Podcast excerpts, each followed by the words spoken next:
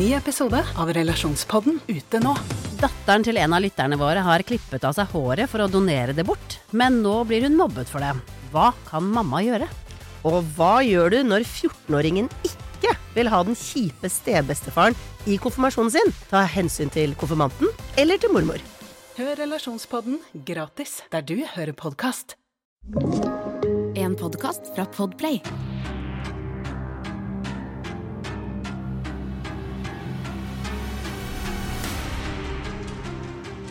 Hei og velkommen til Forsvinningsfredag podcast. Som alltid så kan denne episoden være veldig skremmende for enkelte lyttere, så dersom du er yngre eller sensitiv, så vil jeg anbefale deg å lytte til episoden med en voksen du stoler på, eller skru av. I dagens episode skal vi snakke om en sak som jeg selv har hørt om i mange år, men som jeg aldri har forstått meg på. Og dette er også en uløst sak som igjen eh, bygger opp under dette her med at dette er en veldig skremmende sak, og som jeg selv virkelig aldri blir klok på. Vi skal i dag snakke om 18 år gamle Brandon Swanson, og vi kan egentlig bare hoppe rett inn i hvem han var. Brandon Swanson ble født 30.1.1989 i Marshall i Minnesota. Her bodde han også da sammen med foreldrene sine, nemlig Brian og Annette Swanson. Brandon gikk ut av Marshall videregående i 2007, og etter det bestemte han seg for å begynne på Minnesota West Community and Technical College, som da ligger i Canby, rundt halvannen time fra hjembyen sin. Her tar han et årsstudium hvor han lærer om vindturbiner og trives veldig, veldig godt med det. 13. mai 2008 er dagen Brandon offisielt er ferdig med sitt første år på studiet, og dette skal selvfølgelig feires, så kompisene hans skal da feire det på kvelden denne dagen. Denne kvelden er Brandon innom to forskjellige fester i byen Canby, og på begge stedene er han sett drikke alkohol, men visstnok ikke nok til at han var synlig berusa i det hele tatt. Litt etter midnatt forlater han fest nummer to og forteller til de andre festdeltakerne at han skal hjem. Det var planen hans. Så han setter seg nå i bilen for å kjøre, og igjen, de andre festdeltakerne mente at han på ingen måte var verken full eller synlig berusa. Det er imidlertid viktig å nevne at det er enkelte andre festdeltakere som faktisk mener at han var det, altså tydelig berusa. Så akkurat hva som er riktig her, er jo litt vanskelig å si. Noen hadde én oppfatning, andre hadde en annen. Men det vi vet, er at han var 18 år og dermed mindreårig i Minnesota, så i utgangspunktet så skulle han vel ikke ha drukket noen ting i det hele tatt. Turen fra den siste festen og hjem til Marshall var i utgangspunktet rundt 1 12 times tid i bil. Og veien fra A til B er egentlig ganske rett, og det er ikke noe særlig frem og tilbake. På et tidspunkt klarer imidlertid Brandon å sette fast bilen i utkanten av veien, litt nede i en veldig sånn liten grøft. Det er også veldig mye gjørme langs den veien her, så Brandon klarer ikke å rygge opp bilen selv, som da resulterer i at han ender opp med å ringe til noen venner for å få hjelp, men ingen av de svarer. Antageligvis fordi de alle sammen fremdeles er på en av de to festene han selv hadde vært på tidligere. Etter det her bestemmer Brandon seg for å ringe til foreldrene sine i stedet, ettersom at ingen av vennene hans svarte. Han forteller de nå da hvor han er, og forklarer situasjonen så godt han klarer. Han vil veldig gjerne at de skal komme og hente han, og forklarer at han selv er helt uskadd, og at han egentlig bare er gira på å komme seg hjem. Foreldrene ender da selvfølgelig opp med å sette seg i bilen og kjøre for å hente Brandon, men da de kommer frem til stedet han sa at han var, så finner de han virkelig ingen steder. Brandon er borte for dem, men heldigvis så har de han fremdeles på telefonlinja. Brandon prøver nå iherdig å forklare hvor han er, og sier at han nå i stedet begynner å gå fordi han er lei av å vente i den bitende kulda, i tillegg til at han klarte å se lys fra det som så ut til å være en by i nærheten. Han forklarer at han tror at han er ved byen Lynn, men på et kart så blir det her i helt feil retning av hvilken vei han egentlig skulle, og det gir virkelig ikke noe mening at han skulle vært i Lynn i det hele tatt. Et kart over det her har jeg lagt ut på Instagram-kontoen min Forsvinningsfredag, så sjekk det gjerne ut for å få enda mer forståelse for historien. Det er litt vanskelig å beskrive akkurat hvorfor det er rart at han var der. Foreldrene kjører nå uansett rundt i et område rundt Lynn, og også inne i byen, fordi det er jo der Brandon har forklart at han trodde at han var. Så nå leter de faktisk i et uh, område der sønnen absolutt ikke er, og det neste som skjer, setter i gang fullstendig panikk i foreldrene til den savnede 18-åringen. Foreldrene til Brandon har i etterkant forklart at de plutselig underveis i samtalen hører sønnen deres si oh shit, etterfulgt av en lyd som kan sammenlignes med at man sklir og faller. Det er i hvert fall den beste måten foreldrene klarte å beskrive det selv. Etter dette forklarer foreldrene at det ble helt stille fra Brandon, og da velger de selv å legge på for å ringe opp igjen, fordi de antok at han eh, kanskje hadde sklidd og mista telefonen, og kanskje ikke fant den igjen fordi det var mørkt, og da kunne det jo være en idé å ringe han opp igjen, sånn at han kunne se telefonen lyse opp, eller eventuelt høre at den vibrerte. Da de ringer opp igjen da, så får de ingen svar i det hele tatt. Telefonen bare ringer og ringer i all evighet.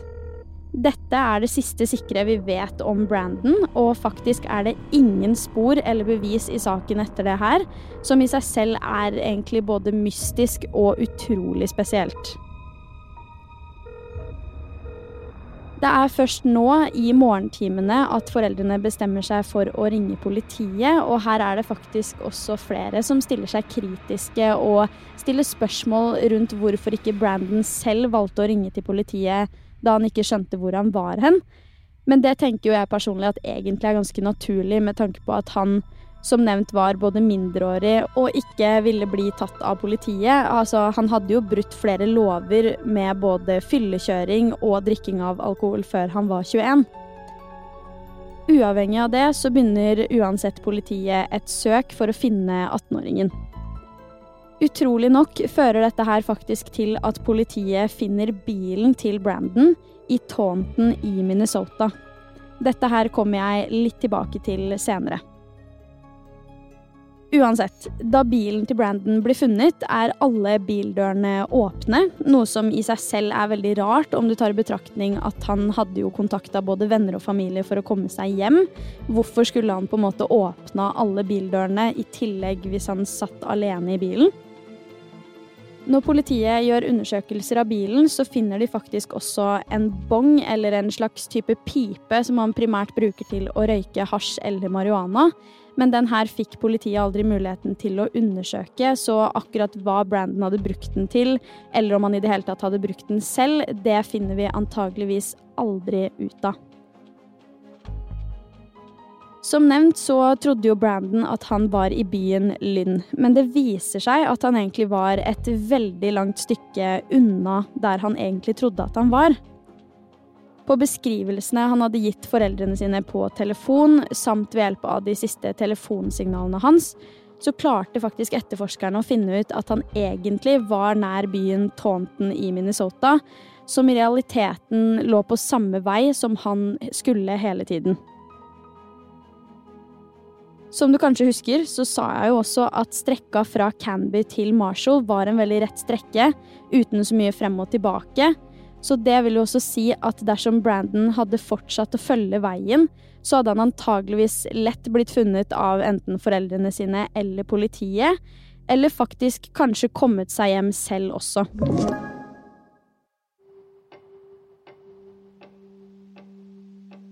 Noen mener da at det er en sannsynlighet for at han har valgt å gå på veier og kanskje i skogsområder som ikke gjør han synlig for biler, fordi han kanskje var redd for å bli tatt av politiet eller lignende. Han var jo som sagt mindreårig og skulle absolutt ikke drukket alkohol og kjørt samtidig, eller i det hele tatt drukket noe, så det høres jo egentlig ganske usannsynlig ut. Hva tenker dere om det her? I området der politiet klarte å fange opp disse siste telefonsignalene til Brandon, og der også bilene hans ble funnet, så rant det også en elv som heter Yellow Medicine River. Dette vil jo veldig mange kalle en åpenbar forklaring på hva som skjedde med Brandon, men er det egentlig det? La meg fortelle deg litt om noen av teoriene som florerer der ute. Den første teorien er jo da selvfølgelig teorien om at Brandon har sklidd og falt i elva, og deretter drukna eh, og mista telefonen sin i prosessen.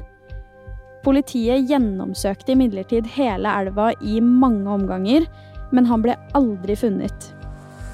Kroppen hans har heller aldri skylt opp noe sted, så det høres ikke sånn altfor sannsynlig ut.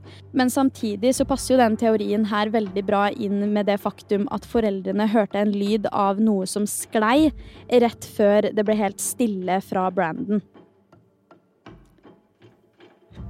Den andre teorien i saken er at Brandon kan ha dødd av hypotermi, ettersom at det var rundt tre grader i Minnesota den natta her.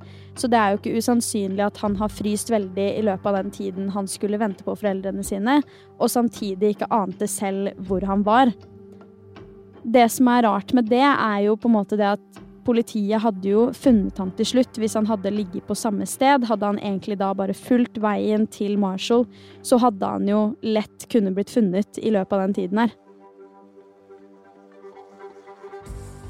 Den neste teorien er at Brandon kan ha falt ned i en åpen kum, fordi dette her var noe som angivelig hadde skjedd veldig mye i det området her på den tiden. Men jeg tenker jo at dersom det her var noe som hadde skjedd mye i det området, så hadde jo politiet undersøkt det kanskje aller, aller først, og da igjen så ville han jo vært funnet. Vi har to teorier igjen. Den ene er at Brandon kan ha vært involvert med noen drug dealers som muligens han har skyldt penger eller noe sånt noe. Og da er det flere som lurer på om de kanskje kan ha drept han. Jeg tenker jo egentlig at dette her blir jo bare spekulasjoner med tanke på at det ble funnet en bong eller en sånn pipe i bilen hans, og da kommer det jo til å oppstå mange teorier rundt det. Og det gjør jo at folk tenker at det er en sannsynlighet for at han har vært involvert med eh, sånne mennesker. Men folk i nær relasjon til Brandon mener at det her er helt, helt usannsynlig. Den siste teorien, og utrolig nok teorien som jeg har sett aller flest faktisk være enig i og se på som mest sannsynlig, er at han var mye fullere enn han fremsto over telefon med foreldrene sine, og dermed kan ha sovna på et jorde i nærheten. Fordi hvis du ser på et kart, så var det veldig mange av dem i det området her. Teorien skal videre ha det til at han har ligget der hele natta fra han dro fra festen og ringte foreldrene sine, frem til en bonde på den aktuelle gården tilhørende jordet skal pløye jordet eller et eller annet sånt på morgenen dagen etter, og deretter klart å kjøre over han rundt akkurat den teorien her så syns jeg det finnes veldig mye rar informasjon, og det virker veldig som at folk har latt fantasien ta litt over når det kommer til akkurat det her. For i mitt hode så høres det jo egentlig minst sannsynlig ut at det er det her som har skjedd, ut av alle teoriene vi har snakket om. Men jeg skal jo også si at dette med at han antageligvis var fullere enn han fremsto over telefon, det ser jeg på som en høy sannsynlighet. Brandon er faktisk lista på FBIs oversikt over savnede personer som kan ha vært utsatt for noe kriminelt, til tross for at så å si alle teoriene sikter til noe annet. Det viser jo at det fremdeles er en sannsynlighet, og at det er noen der ute som tror at Brandon kan ha blitt utsatt for noe kriminelt, men til dags dato så aner vi rett og slett ikke hva som skjedde etter telefonsamtalen med foreldrene, og alt som kommer etterpå er egentlig bare spekulasjoner. Det finnes ingen mistenkte, ingen siktede, ingen spor eller løsning på den saken her. Kun løse tråder og en familie uten svar på hva som skjedde med sønnen deres, som hadde hele livet sitt foran seg. Jeg er veldig interessert i å høre dine tanker og teorier om saken, rett og slett fordi den fremdeles til dags dato er uløst. Så dersom du har noen, så send det gjerne inn til meg på Instagram. Der heter jeg Forsvinningsfredag.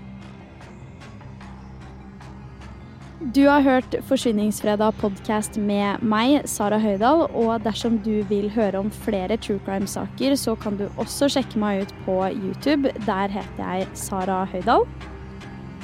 Utenom det så kommer det en helt ny Forsyningsfredag podkast-episode allerede neste fredag. Og i mellomtiden, ta vare på deg selv.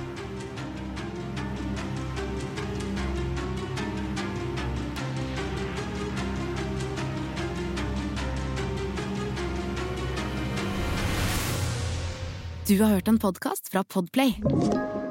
En enklere måte å høre podkast på. Last ned appen Podplay, eller se podplay.no.